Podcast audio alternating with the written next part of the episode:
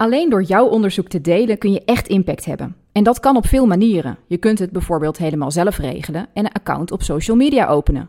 Maar hoe pak je dat dan aan? Om het daarover te hebben zit bij ons aan tafel Mimi Den Uil. Welkom bij Echt Impact, een podcast over het communiceren van wetenschap. Met Jenny Hazenak en Marloes ten Katen.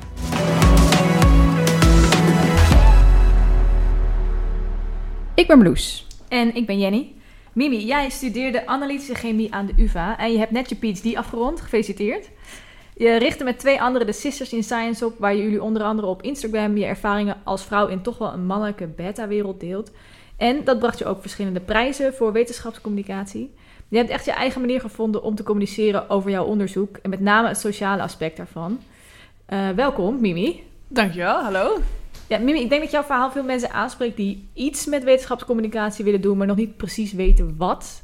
Om maar te meteen te beginnen, wat is jouw advies voor die mensen? Um, ik denk dat mijn grootste advies voor mensen die willen beginnen met wetenschapscommunicatie is uh, gewoon uh, iets gaan doen. Uh, want spelenderwijs leer je wel wat, wat bij jou past en wat niet. voor Sisters in Science ben ik ook wel veel dingen alweer begonnen die ik niet heb afgemaakt. Omdat en soms blijkt dat iets waarvan je dacht dat is echt een supergoed idee, niet helemaal niet zo'n goed idee blijkt. Dus ja, het kan gewoon wel een beetje groeien zoals het groeit. Exact, ja, precies. Maar wat voor, wat voor dingen was je begonnen? En, en even voor iedereen die Sisters in Science nog niet kent, wat is dan Sisters in Science precies? Um, nou, ik denk, laat ik die tweede vraag eerst beantwoorden. Dus uh, Sisters in Science is begonnen als een Instagram-kanaal waarin wij uh, ja, ons weet, onze wereld van de wetenschap wilden laten zien op Instagram. Dus uh, postjes, verhaaltjes erbij. nou, gewoon heel lief. We vinden dat ook een hele leuke fase, schattig. Want we waren nog helemaal niet bezig met um, dingen waar we nu mee bezig zijn. Namelijk stereotypering en hoe het beeld van de media over chemici of wetenschappers best wel negatief is. En soms dat misschien mensen kan weerhouden om uiteindelijk te kiezen voor een carrière in wetenschap. Dus um, ja, Sisters in Science was een Instagram kanaal. Het is nog steeds een Instagram kanaal. Uh, je kan het volgen door Sisters in Science laagstreepje NL. Um, maar we zijn eigenlijk ook veel meer dan dat. We doen ook veel presentaties. We nou ja, communiceren veel over wetenschap en over die uh, stereotypering. En um, voor Sisters in Science. Um, ja, ik, ik, was, ik was toen met mijn PhD bezig in, uh, aan de Universiteit van Amsterdam. En ik was altijd al een beetje getriggerd door nou, wetenschapscommunicatie. Ik vond het super leuk als het op tv was, als ze aan, aan, talkshowtafels zaten en zo. Dus ik dacht van, nou, ik wil ook wel zoiets doen. En uh, op een gegeven moment dacht ik, ja, ons leven is zo bijzonder. Of nou ja, ons, nou niet dat wij heel bijzonder zijn, maar het leven wat wij mogen leven hier als uh, promovenda. Dat ik dacht, ja, dit moet ik gewoon mensen laten zien. Ik moet mensen laten zien dat we doen eigenlijk... Uh, we doen hele interessante dingen. We gaan doen onderzoek en dan vervolgens gaan we dat presenteren. Dan gaan we naar het buitenland en dan ontmoeten we allemaal mensen in een soort van community worldwide. En ik dacht, ja, dit moeten we gewoon gaan vloggen. Dat was ook in de tijd dat vloggen echt heel populair was. Ik denk dat het nog steeds wel populair is, maar toen was het, werd het een soort van ja, generally accepted dat mensen vloggen, gingen vloggen. Dus toen zei ik tegen mijn collega, nou, laten wij ook gaan vloggen. Nou, en dat hebben we denk ik, nou, we hebben dat toen gezegd tegen de, tegen de mensen op ons werk. Nou ja, hè, uh, jongens, vanaf nu zie je ons met een camera lopen. En dat hebben we denk ik, nou ja, een dag volgehouden of zo. En toen, dacht, toen dachten we ook van, oh ja, um, uh, ja, wat, uh, hoe, dat kostte zo ontierlijk veel tijd om dat dan te gaan editen en we hadden helemaal niet zo goed nagedacht over hoe dat dan moest zijn. En toen vonden we eigenlijk in Instagram onze um, soort van babyversie van YouTube, waar we iets meer konden delen zonder extreem veel te filmen en dat soort dingen te doen. Dus ja, en ik heb veel met pitchwedstrijden ook meegegaan. Ik vond dat leuk om wetenschapscommunicatie te doen, maar uh, ja, dat is een beetje wat er daarvoor allemaal gebeurde. Ja, ja, een beetje al, aldoende eigenlijk uitgevolgd van wat het beste ook werkt in de praktijk. Dat je er ook weer niet ontiegelijk veel tijd aan kwijt bent. Want je exact. doet het allemaal naast je uh, werk als wetenschapper, nietwaar? Ja, klopt. Ja, dus dat was, uh, dat was soms ook... Dat was, dat was een soort van hobby. Al moet ik wel eerlijk zeggen dat ik het heel belangrijk vind dat wetenschappers communiceren. En dat het veel meer erkenning moet krijgen. Want ik vind het werk wat, wat je doet als wetenschapscommunicatie, als wetenschapper... dat dat wel... Ja, jij doet iets wat andere mensen weer niet doen. Dus uh, iedereen vult daarmee een, een, een wens van de maatschappij, denk ik. En ik denk dat het wel heel belangrijk is. Alleen, ja, je moet ook je doelen halen die je, die je voor je eigen promotietraject hebt. Dus ik, had, ik wist toen al dat het, dat het wel oké zou komen met mij. Of in ieder geval, ik had wel een gevoel dat het goed zat. En het was gewoon echt heel leuk om te doen natuurlijk. Dus uh, ik heb het uiteindelijk de laatste anderhalf jaar van mijn PhD wel heel veel gedaan. Maar niet, niet zeg maar, het waren geen extreme proporties. Dat was niet dat ik twee dagen aan dat kanaal werkte en vijf dagen op werk. En ik was altijd ook wel bezig met een goede balans tussen privé en werk. Ja, dat lijkt me sowieso uh, goed advies om dat te houden. Absoluut. En mijn, mijn elk, uh, alle plannen die je hebt gehad, de plannen die je hebt laten vallen en de, de plannen die je nog bent uh, blijven doen, dat zijn allemaal dingen die jij uit jezelf, uit je eigen initiatief deed. Is daar een reden voor waarom je dat zo hebt gekozen? Nou, ja, ik was wel. Um, ik, ik kan me herinneren dat ik. Ik denk dat ik ongeveer een jaar bezig was met mijn PhD. En dat ik toen al een beetje met die pitches en zo zat. En wel heel erg keek naar wat is er binnen wetenschap wat ik kan doen aan communicatie. Dus waren wel van die soort van competities dat je ging pitchen of uh, van die cursussen. Dus dat heb ik toen wel veel gedaan. En op een gegeven moment toen deed ik mee aan de Spotlightprijs van de KNCV. Dus dat was een, uh, ja, een pitchwedstrijd um, waar ik toen... Um, nou ja, uh, mensen leerde kennen. En die wees mij op uh, Faces of Science programma. Um, dat, dat leek me toen heel interessant. En, uh, heel even voor de mensen die niet weten wat Faces of Science is. Ja, ik weet, ik weet er dus wel wat dingen van, maar niet alles. Want ik ben het uiteindelijk niet geworden. Maar het is een soort van um, ja, jonge, jonge wetenschappers die kunnen delen over hun, uh, over hun wetenschap. En het worden maar een, een aantal mensen per jaar uh, toegelaten. Dus ik met vol goede moed opzoeken hoe ik daar dan bij kwam. Want ik dacht, ja, dit is echt iets voor mij. Voor mij moet je iets van één keer per maand iets aan wetenschapscommunicatie doen. Dus we dachten, ja, dat is een goede stok achter de deur, ga ik dat lekker doen. Maar het bleek voor mij uit mijn werkveld en de mensen die ik kende in mijn netwerk toch best lastig om erbij te komen, omdat je moet worden voorgedragen.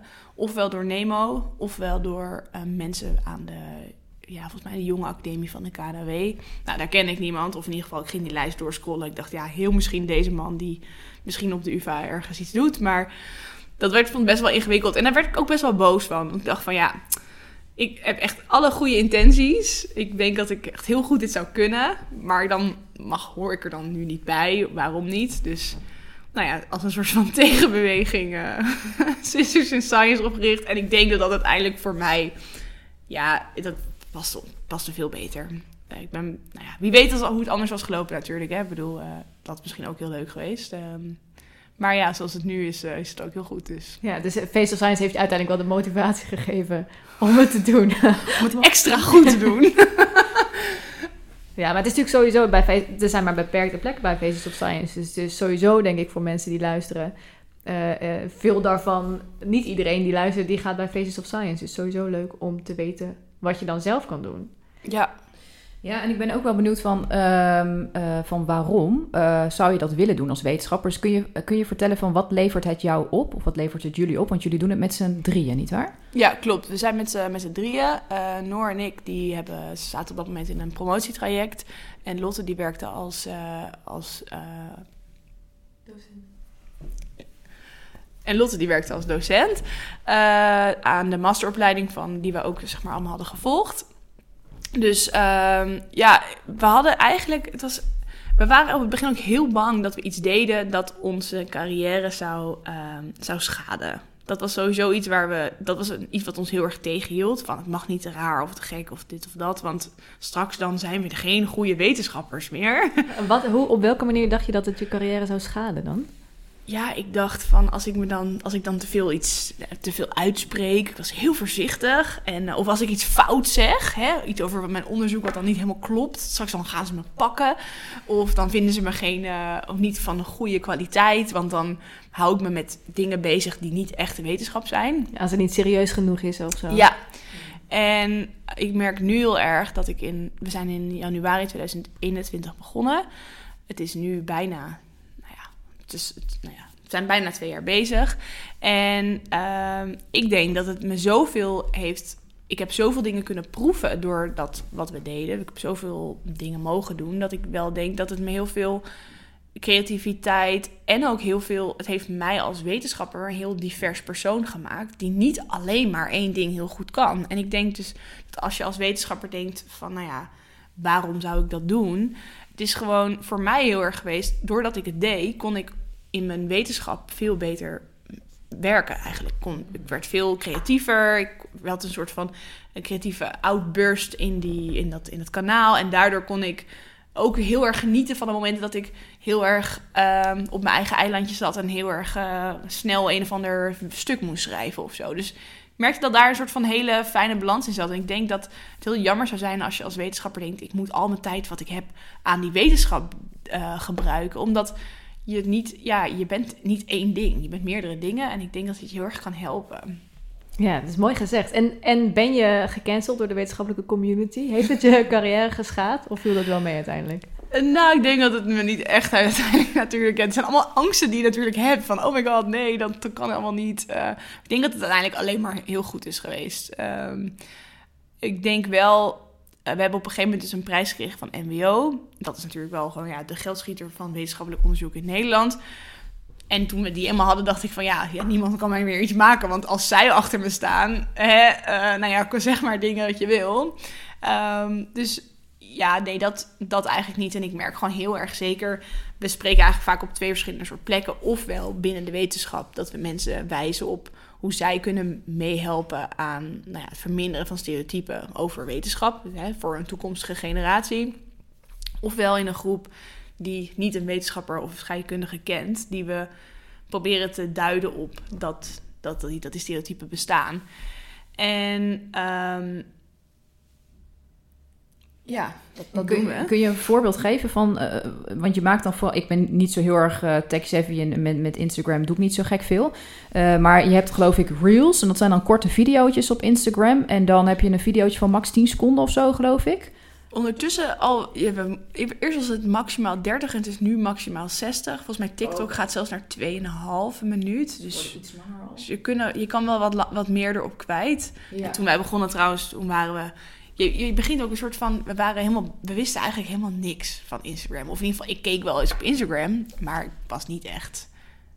was niet echt dat ik daar heel veel van af wist. Dus we maakten vaak foto's, deden een verhaaltje bij. En op een gegeven moment kwam Reels, dat was toen TikTok kwam. Dus TikTok werd ging competen met Instagram. En TikTok had natuurlijk alleen maar filmpjes en geen foto's. En Instagram wilde die mensen van TikTok op hun kanaal hebben. Dus eigenlijk ging Instagram kreeg toen Reels. Ik weet niet of dat al was of dat het toen net was gekomen.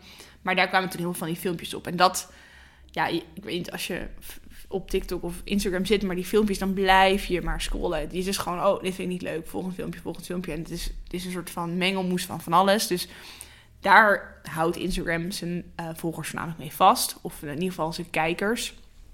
Dus dat betekent dat dat veel meer gepromoot wordt dan, uh, dan statische content daar is de wetenschappelijke community op Instagram natuurlijk helemaal niet mee eens. Want je kan natuurlijk veel minder goed je wetenschap uitleggen. Uh, maar voor ons was het wel een uitdaging. Van nou ja, we gaan gewoon mee op die, uh, op die, eigenlijk op die TikTok-trends die naar Instagram kwamen.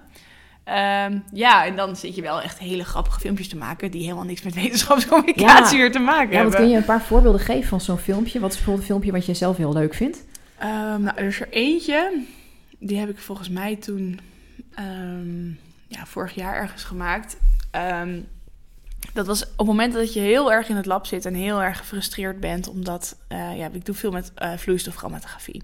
En in vloeistofchromatografie heb je pompen en die moeten vloeistof pompen door een kolom heen waar je scheiding op kan uitvoeren. En um, het funest voor die pomp is als er lucht in zit. En dat gebeurt wel eens. Vooral als je oude pompen hebt die niet goed afgesloten zijn. En nou ja, dan gebeurt dat.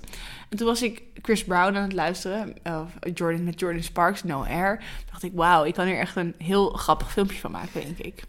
Toen heb ik een filmpje gemaakt waarin ik een duet zong met mijn pompen. Ja, het is echt heel... Ik vond het ook, als ik het nu terug ga denken, het is echt heel erg grappig. Alleen, het was zo niche dat niemand het echt grappig vond. Maar ik vind het nog steeds heel erg grappig. Um, maar zeg maar, weet je, dan al die nou ja, ik kan echt niet zingen, dus ik moet dat niet doen. Maar gewoon al die vocalizing, oeh en ah. En dan, nou ja, dat, nou ja ik ga hem straks even laten zien. Kijk, zoek hem vooral op. maar ja, dat, dat, daar heb ik heel erg van genoten. Maar wat het het beste doet, is, uh, je hebt gewoon allemaal van die, zeg maar, audio's die dan opeens heel grappig zijn. Of dan, dan doen, doen mensen altijd een soort vanzelfde soort trucje op met hun eigen niche. En dat is eigenlijk hoe je de makkelijkste daardoor heen komt. Is gewoon, je pakt die audio, je zet, maakt een filmpje van. Je bedenkt eventjes van, oh, hier moet je opeens drie tips delen in die audio. Nou ja, dan, laat ik, dan maak jij diezelfde audio met dat filmpje. En dan geef je drie tips over hoe is het goed om te studeren op de universiteit. Weet je, en dan zo gingen wij uiteindelijk dingen maken. Dat was wel een massaproductie. Dus het was niet, het was niet echt de ja, pure wetenschapscommunicatie. En dat is wel iets waar we nog steeds wel ook iets maar ja, voor als je gaat beginnen. Het is niet erg als je niet één ding blijft doen. Weet je, als je begint en je gaat wetenschapscommunicatie doen en je komt er opeens achter van wauw, ik vind die stereotypering in wetenschap eigenlijk veel interessanter. En je gaat daar opeens op focussen. Niemand die gaat zeggen: Hallo, uh, dit is, je, doet even geen, je doet geen wetenschapscommunicatie meer. Want dit hele vakgebied, of nou, dit gebied is gewoon. Er is gewoon nog veel meer dan we volgens mij uh, realiseren. En er is ook best wel wat vraag naar. Alleen we weten nog niet dat die vraag er is. Dat, uh, nou ja, deze situatie misschien even terug naar jullie. Wat vinden jullie daarvan? Zeg maar, hoe, hoe groot is dat wetenschapscommunicatie? Dat vind ik echt een hele grote filosofische vraag ook. ja, ik denk zo groot als je zelf als je zelf wil. En ik denk dat er is ruimte voor iedereen en voor. Ik vind het heel leuk jouw verhaal over No Air Duet. En dat het zoveel. Het, het, is, het, is, het is gewoon heel grappig. Maar het is ook omdat je. Je maakt iets omdat je zelf denkt. Nee, dit vind ik gewoon leuk om te delen. Dus dan ga ik nu delen. En ik vind het heel leuk als zoveel mogelijk mensen daar de ruimte voor vinden. En ik herken heel erg wat je zegt over. Van oh, maar, maar mensen gaan zeggen dat ik niet meer bij mijn oorspronkelijke plan uh, ben gebleven. dat is natuurlijk heel wetenschappelijke manier van denken. Heel erg hoe de academische wereld werkt. Want als je dat in je PhD doet, dan gaat iemand inderdaad er wat van zeggen. Hmm. En Marloes en ik merken dat ook heel erg in onze workshops. Dat mensen dan nou, dat soort gedachten hebben. Maar ja, dit is de vrije wereld. Je mag doen wat je wil. En dat is echt zo. En je mag echt... De beste manier is om gewoon iets te proberen en te veranderen als het niet werkt. En dat is uh, op de een of andere manier heel tegennatuurlijk als je veel onderzoek doet. Ja, ja, en ik ben ook wel heel nieuwsgierig, want je, je hebt dus zelf eigenlijk ook een beetje uitgevonden van welke content uh, past bij jou, wat jij graag zou willen maken. Um, en wat voor content scoort nou lekker goed op Instagram? Um, ik denk dat uh, wat het beste. Ja, kijk, je hebt. Dit is echt. Instagram is ook echt een, een, een, groot gat. Waar je in wordt gezogen. En als je er te lang. Ja, je moet best wel veel zoeken. Wil je vinden waar. Um, wil je, wil je goede dingen vinden waar jij weer op kan aanhaken. Dus je, je zit best wel veel uren op Instagram te scrollen naar... oké, hoeveel hoe vaak wordt iets gebruikt? Oh, dit, dit is nu wel echt trending. Het is nu wel echt vaak gebruikt. Oké, daar moeten we iets mee. Uh, daar gaan we dan snel iets mee doen. En je moet het meteen doen. Dus juist, juist iets wat mensen al heel veel doen, ga je ook doen. Exact. Oké. Ja, en dan doe je dan niet hetzelfde. Ik, ik, moet eventjes... Dit zijn echt dingen die je dan niet echt voor de zo hebt. Maar bijvoorbeeld dat iemand dan... Uh, nou ja, er is nu uh, toevallig, dit, dit is natuurlijk morgen is het al helemaal niet meer in, maar je hebt zo'n uh, audio met I'm coming back for you. I'm coming back for you. En dat gaat dan over iemand die wijst naar iets en die zegt van ik kom weer terug. Nou, dan zet bijvoorbeeld iemand die wijst naar zijn koffie in de ochtend. Ik ga nu naar de wc, maar kom straks weer terug om jou op te drinken. Want ik was al bezig, maar toen moest ik naar de wc. Zeg maar zoiets. Het is heel stom. Maar dan was er vandaag iemand, die was dan ook PhD en die zei... Uh, ik, nadat ik net heb besloten dat ik stop met mijn PhD, I'm coming back for you. Weet je, zeg maar. Dus, en dan is het nu wat ik bijvoorbeeld denk, uh, nou ja, dus uh, nou, ik heb een paper geschreven en die is dan weer teruggestuurd. En dan kan ik een filmpje maken en zeggen, oh, I'm coming. Dit is, dit is helemaal niet, het is, het is gewoon grappig. Maar het is niet echt heel erg, het is niet dat iemand denkt, oh, hier kan ik van leren. Dit ga ik even opschrijven in mijn notebook. En dat is het ding met Instagram. Het is sowieso, het komt en het gaat. En en het eindigt onderaan een stapel. En als je echt kwaliteit wil maken, is het best moeilijk om dat goed met Instagram te delen. Ja, maar het is misschien wel een, een uh, manier om mensen, met mensen in contact te komen. Want jij zei ook al eerder, je doet nu niet meer alleen maar dingen met Instagram, maar het heeft ook andere dingen opgeleverd.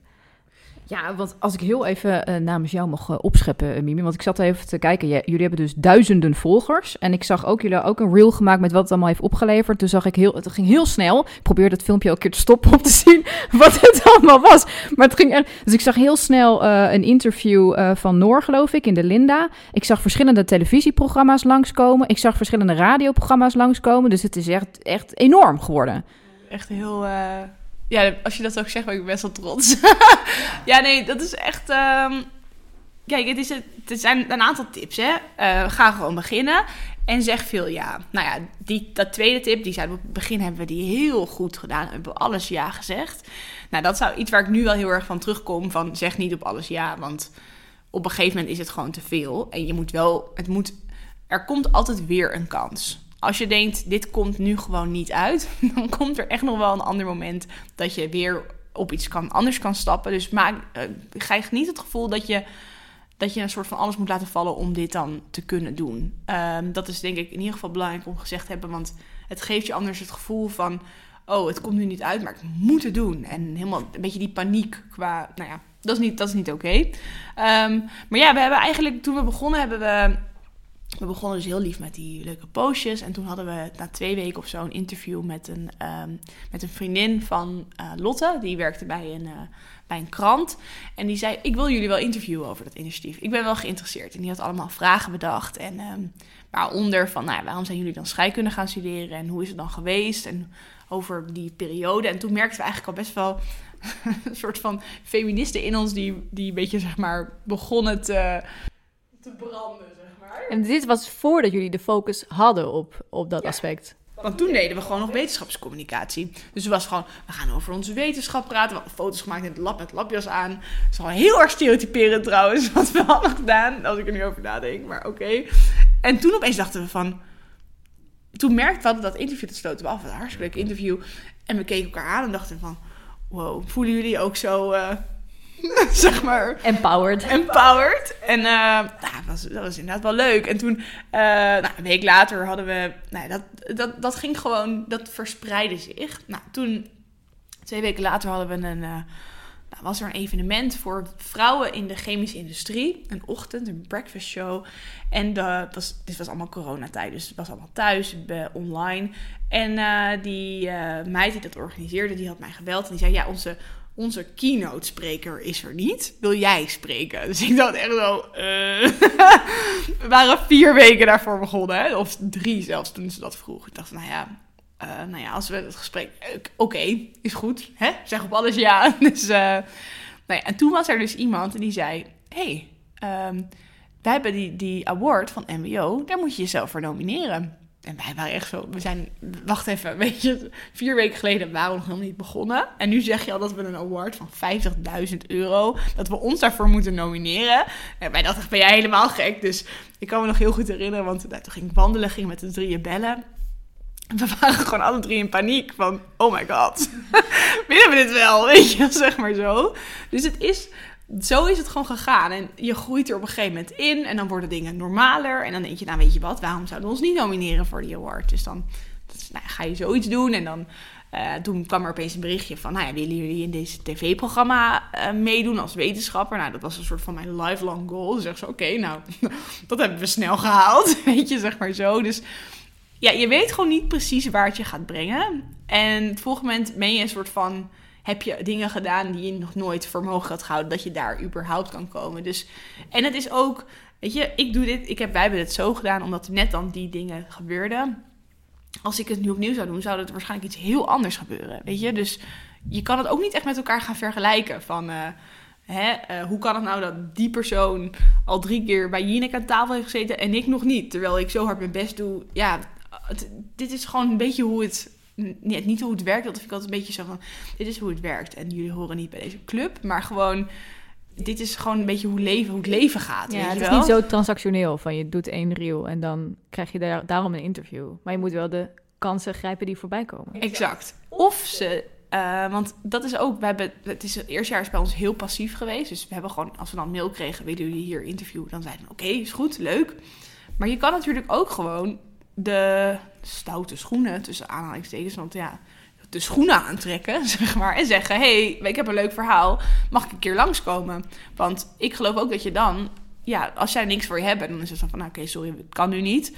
Eh, maar we houden wel contact en het kan misschien de volgende keer wel. Dus je kan het op, het is ook wel maakbaar.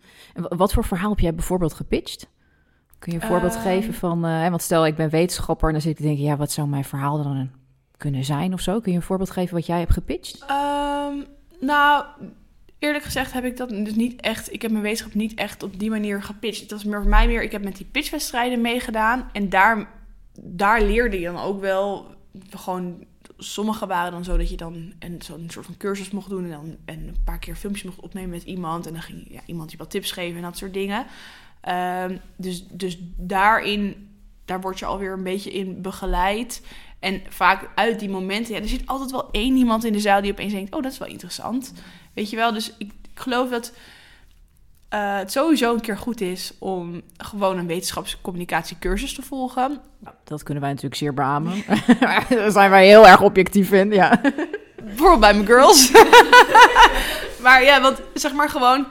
Ik denk als je helemaal geen... Het ding is zo... Mensen, wetenschappers die communiceren... hebben vaak al affiniteit met communicatie. Want echt die hele, hele erge wetenschapper...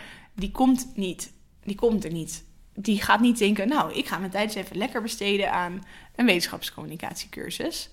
Uh, maar als je zelf daarin geïnteresseerd bent, is het wel leuk om zo'n cursus, omdat je wat iets meer uh, hulp krijgt met hoe jij je verhaal wat makkelijker kan vertellen. Want je zit zo in een wereld waar niemand die kennis heeft. Of in ieder geval, ja, helaas, want ik geloof ook wel dat dat meer zou moeten. Uh, dat er gewoon wetenschappers zijn die zich ook grotendeels inzetten voor wetenschapscommunicatie. Uh, net, zoals, net zoals wetenschap en voor um, school um, lesgeven, zeg maar. Waarom niet ook dat iemand gewoon zoveel percentage van zijn tijd wetenschapscommunicatie doet? Uh, dus die kennis is er gewoon niet heel erg. Dus ik denk dat het dan goed is om, om gewoon te kijken naar plekken waar je die kennis wel zou kunnen krijgen, zeg maar. Ja, ik vind dat uh, sowieso vind ik dat een goed punt uit eigen belang. Maar ook, um, je beschrijft net ook dat jij ontdekte, jullie ontdekten jullie verhaal over uh, hoe is het om als vrouw in best wel mannelijke wetenschappelijke wereld te zijn en welke stereotypen kom je tegen. Dat je dat verhaal had en dat dat interessant is, dat ontdek je pas terwijl je een interview gaf. Hmm. Dus je moet gewoon met mensen gaan praten. Je moet gewoon beginnen met communiceren en dan vind je uh, wat echt jouw verhaal is, wat jij moet delen. Ja, ja, precies. Ja, denk, dat denk ik ook wel, ja. Dus ja, en ik had dan ook niet... Ja, je kan het dan ook niet, dus ook niet plannen. Want het is inderdaad gewoon opeens van... Oh, wow. Uh, eigenlijk voel ik me helemaal niet prettig over hoe dingen zijn gegaan. Of, oh, daar wil ik eigenlijk wel wat meer over, over praten. En hoe kan het dat ik altijd zo heb gevoeld? Nou ja, opeens komen dan... Nou, door die gesprekken te voeren...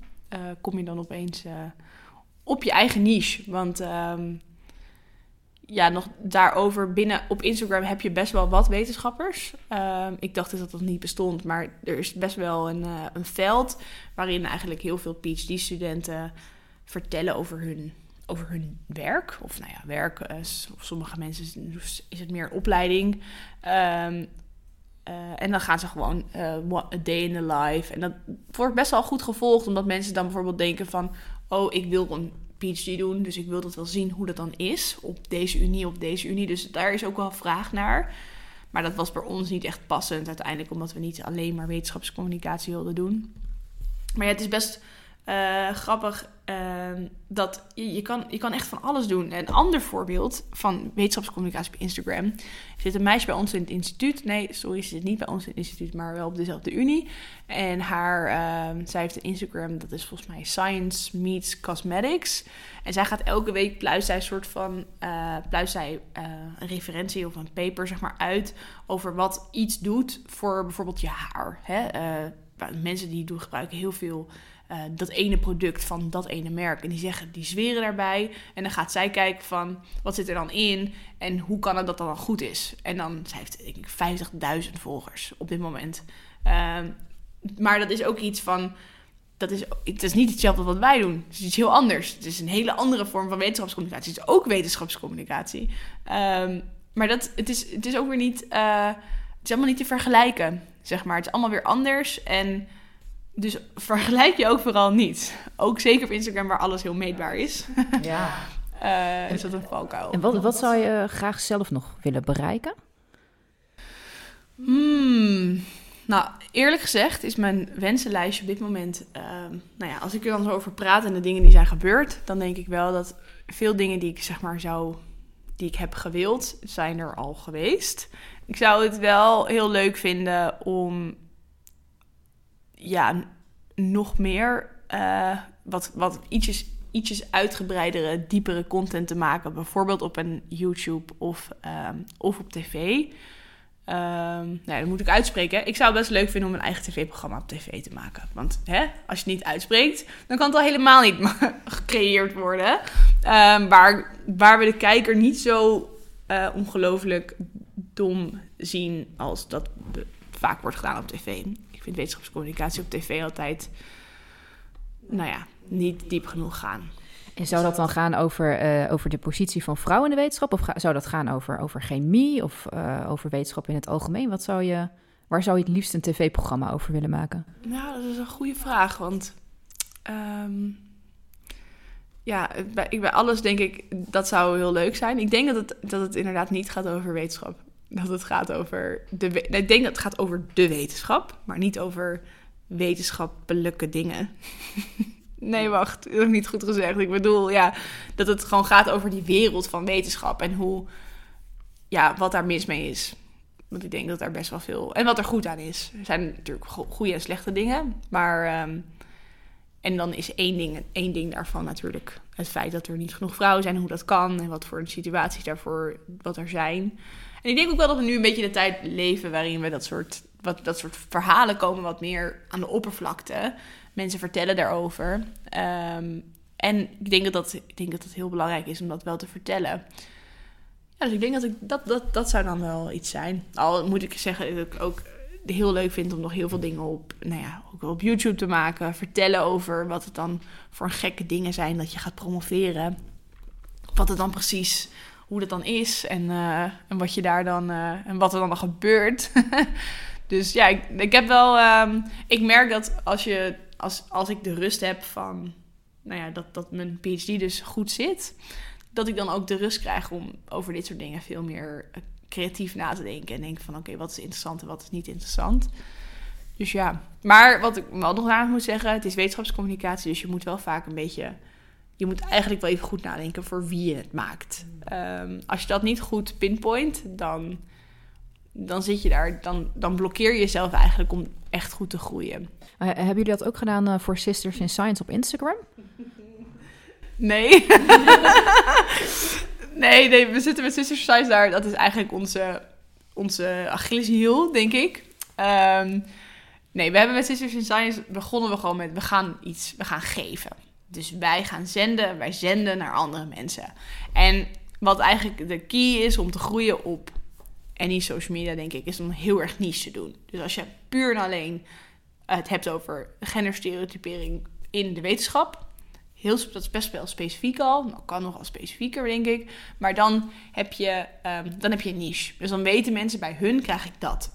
En als je dan veel content maakt, is het gewoon elke keer hetzelfde. Maar als jij dan gaat updaten over, nou, mijn PhD gaat het zo en ik heb gisteren twee papers gepubliceerd, dan is dat natuurlijk niet hetzelfde. Dus dan ga je eigenlijk al van je niche af. Dus dan daar hebben wij dus best wel wat problemen mee. Dat we op onze Instagram bijvoorbeeld niet compleet inclusief zijn, omdat we het in het Engels doen. Of nou ja, we zijn wel inclusief voor de Engelse mensen, maar niet voor de Nederlandse mensen. De leeftijd is wat meer op studenten gericht, terwijl we eigenlijk ook wel scholieren, zeg maar, zouden willen die ons volgen. Um, dus het is Instagram, dus je bereikt sowieso al niet een oudere generatie. Dus eigenlijk is het, hebben we alles qua doelgroep niet goed gedaan met onze Instagram. Al moet ik wel zeggen dat het ons niet echt heel erg gestoord. uh, we hebben uiteindelijk gewoon gezegd: ons initiatief zet zich in voor drie verschillende groepen. Scholieren, die doen we niet met Instagram, dat doen we voornamelijk door het contact met scholieren te doen via bijvoorbeeld uitlegvideo's, uh, op bezoek gaan bij scholen, uh, contact met leraren, dat soort dingen. dan hebben we onze groep mensen die al voor een wetenschappelijke carrière of studie hebben gekozen die erover nadenken dat ze eruit willen. Omdat ze denken, ik pas hier niet, want ik communiceer te veel. Ik ben te extravert. Allemaal dingen die dus mensen die buiten de stereotypering van de wetenschap vallen. Die proberen te laten zien van, laat het je niet tegenhouden. Want eh, ja, dit, dit, dit is de reden dat die stereotypes er zijn. Dus uh, stay true, wij kunnen het ook, jij kan het ook. We kunnen het samen, laten we het doen. En een soort van de grote groep met de maatschappij die we moeten vertellen dat stereotyperingen niet echt zijn. Of dat, we, dat mensen zich daarmee meer moeten bezighouden. En dat doen we voornamelijk door presentaties. Of bijvoorbeeld op tv. Dat, dat waren, dan kan je veel meer mensen natuurlijk in één keer bereiken. Dus dat is een beetje hoe we onze dingen die we doen in vakjes stoppen. En dat proberen we ook een beetje eerlijk te doen. Dus beetje dat, beetje dat, beetje dat. En dan niet één ding. Uh, al gaat het ook wel zo uh, up en down, zeg maar.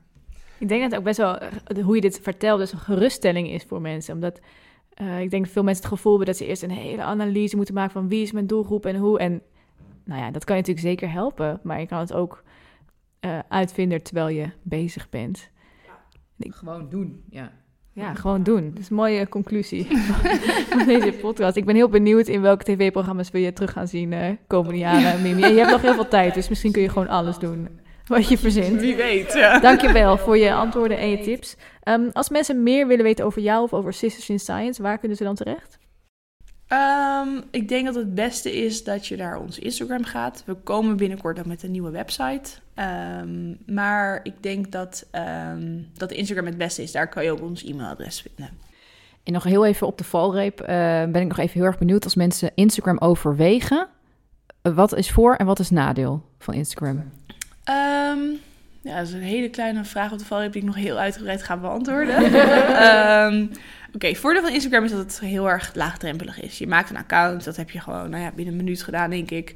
Um, en je post filmpjes of foto's of nou ja, in verhalen. Dus dat is eigenlijk heel, heel makkelijk. Je kan best wel snel best wel oké je following vinden door wat meer soortgelijke Instagram-kanalen die een beetje doen wat jij doet, ook te volgen en dan een beetje elkaar te promoten. Dat hebben wij veel op het begin uh, dat veel gedaan. Um, dus dat is, dat is wel echt een, het is een voordeel dat het best laagdrempelig is. Een nadeel is dat als je kwaliteit levert daarop, dan, dan ja, het is niet echt een heel mooi platform om. Kijk, je kan niet echt bloggen, zeg maar. Al kan je wel een following creëren op Instagram, waar je die uiteindelijk naar bijvoorbeeld een blog of een website bijvoorbeeld leidt. Ja, dus je kunt geen diepgang bieden. Niet echt, nee. Uh, en het nadeel van Instagram, en dat denk ik met alle platform, platforms die uh, eigenlijk voornamelijk gaan om oneindige groei. Dus niet de organic growth, maar gewoon zoveel mogelijk volgers in één keer, zoveel mogelijk likes, viral gaan, dat soort dingen. Is het gewoon dat als je daar je te veel mee bezighoudt, jij als persoon daar niet per se beter van wordt. Uh, je gaat heel erg meten. En meten is, ja, je gaat heel erg kijken, oh, deze heeft niet goed gedaan, oh, dan gooi ik het weg. Weet je, zeg maar, je gaat best wel negatief naar jezelf kijken als je het alleen maar daarom laat gaan. En je gaat je heel erg vergelijken met andere mensen die wel opeens 10.000 volgers hebben en jij hebt die nog niet. Dus ja, zorg er wel voor dat je senang bent met, uh, met die getallen. En dat je gewoon als persoon het ook wel er ook weer niet te veel zwaarte op legt. Weet je, elke volger zet ze gewoon met elkaar in je hoofd in een kamer. Past het? Oké, dat zijn er alsnog echt heel veel. Die passen namelijk, die hele kamer zit vol met mensen die jouw berichten lezen. Um, ja, dat zijn denk ik ook nog wat tips um, die ik zou geven. Dat is een heel mooie tip nog op de valreep. Dankjewel, Mimi. Dit was echt Impact, de podcast. Wil je nou meer tips over hoe jij jouw wetenschap communiceert? Ga dan naar www.echtimpact.nu. Daar kun je ons uh, e-book ook downloaden met de meest gemaakte fouten in wetenschappelijke presentaties. En we verwelkomen je graag in de volgende aflevering. Tot dan!